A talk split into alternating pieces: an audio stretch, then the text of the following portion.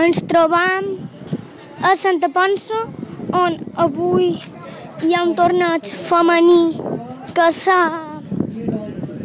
que el director no... diguem, eh, el director és el tio Toni. Ara els nins estan copejant pilotes i estan jugant. Tot d'una tornarem a connectar y os explicaré más detalles. Hola, estoy probando cómo funciona esto del Anchor. Es, lo había dejado un poco de lado y ahora lo vuelvo a retomar y me empieza a gustar. Hola, estoy probando cómo funciona esto del Anchor. Es, lo había dejado un poco de lado y ahora lo vuelvo a retomar y me empieza a gustar.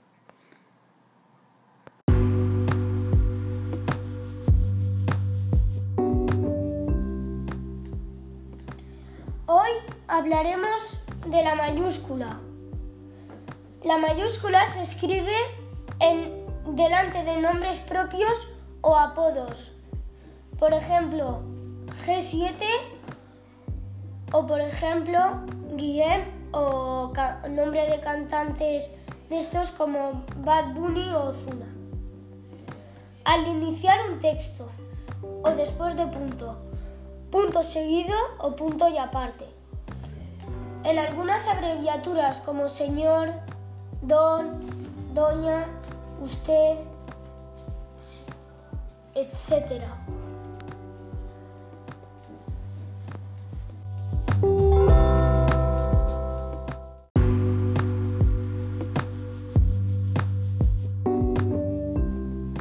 La comunicación. La comunicación puede ser o verbal o no verbal, pero es así siempre.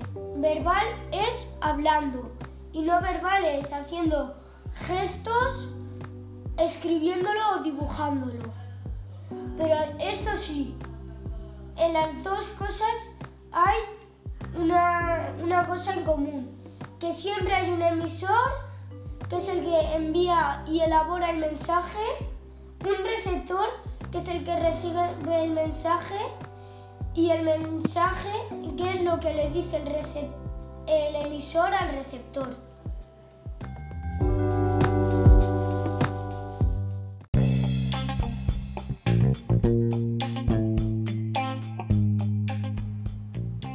En el mundo se, ha, se habla más de 6.500 lenguas.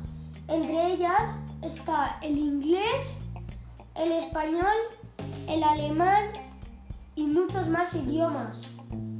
Como sabéis, 6.500.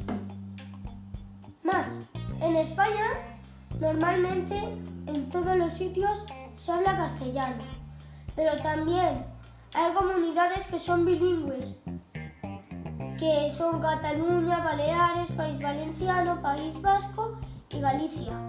Obviamente en Galicia se habla el gallego y en el País Vasco se habla euskera. El catalán se habla en tres sitios, en Cataluña, en Baleares y en el País Valenciano.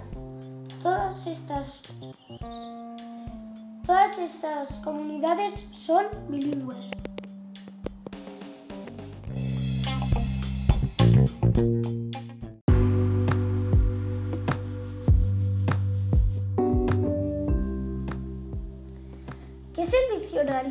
Diccionario es el libro que contiene y explica las palabras de una lengua ordenadas alfabéticamente. Para buscar las palabras alfabéticamente nos tenemos que fijar primero en la primera letra. Si es igual que otra palabra, la segunda letra. Si no, la tercera, la cuarta o la quinta hasta terminar la frase. La palabra, perdón. Por ejemplo, baile, bala, banderilla y beca. Esta es primera vendría baile, luego bandera, no, luego bala, luego bandera y luego beca.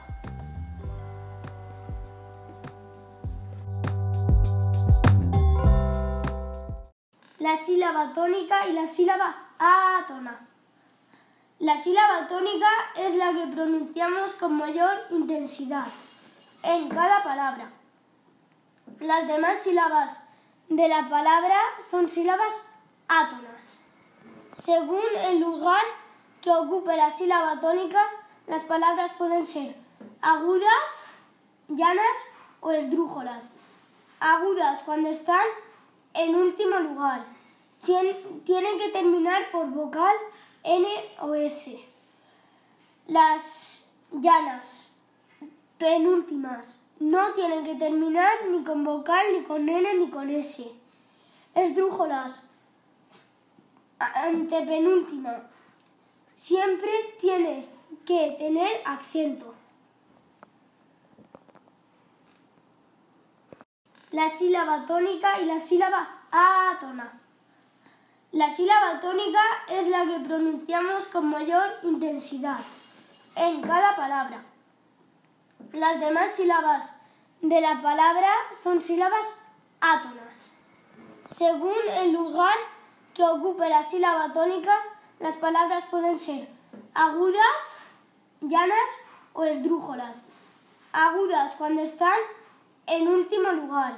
Tienen que terminar por vocal N o S.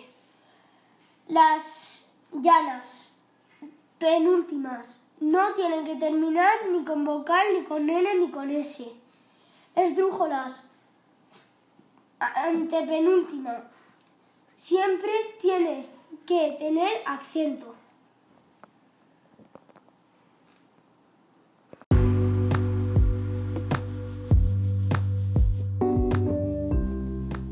La comunicación. La comunicación puede ser o verbal o no verbal, pero es así siempre.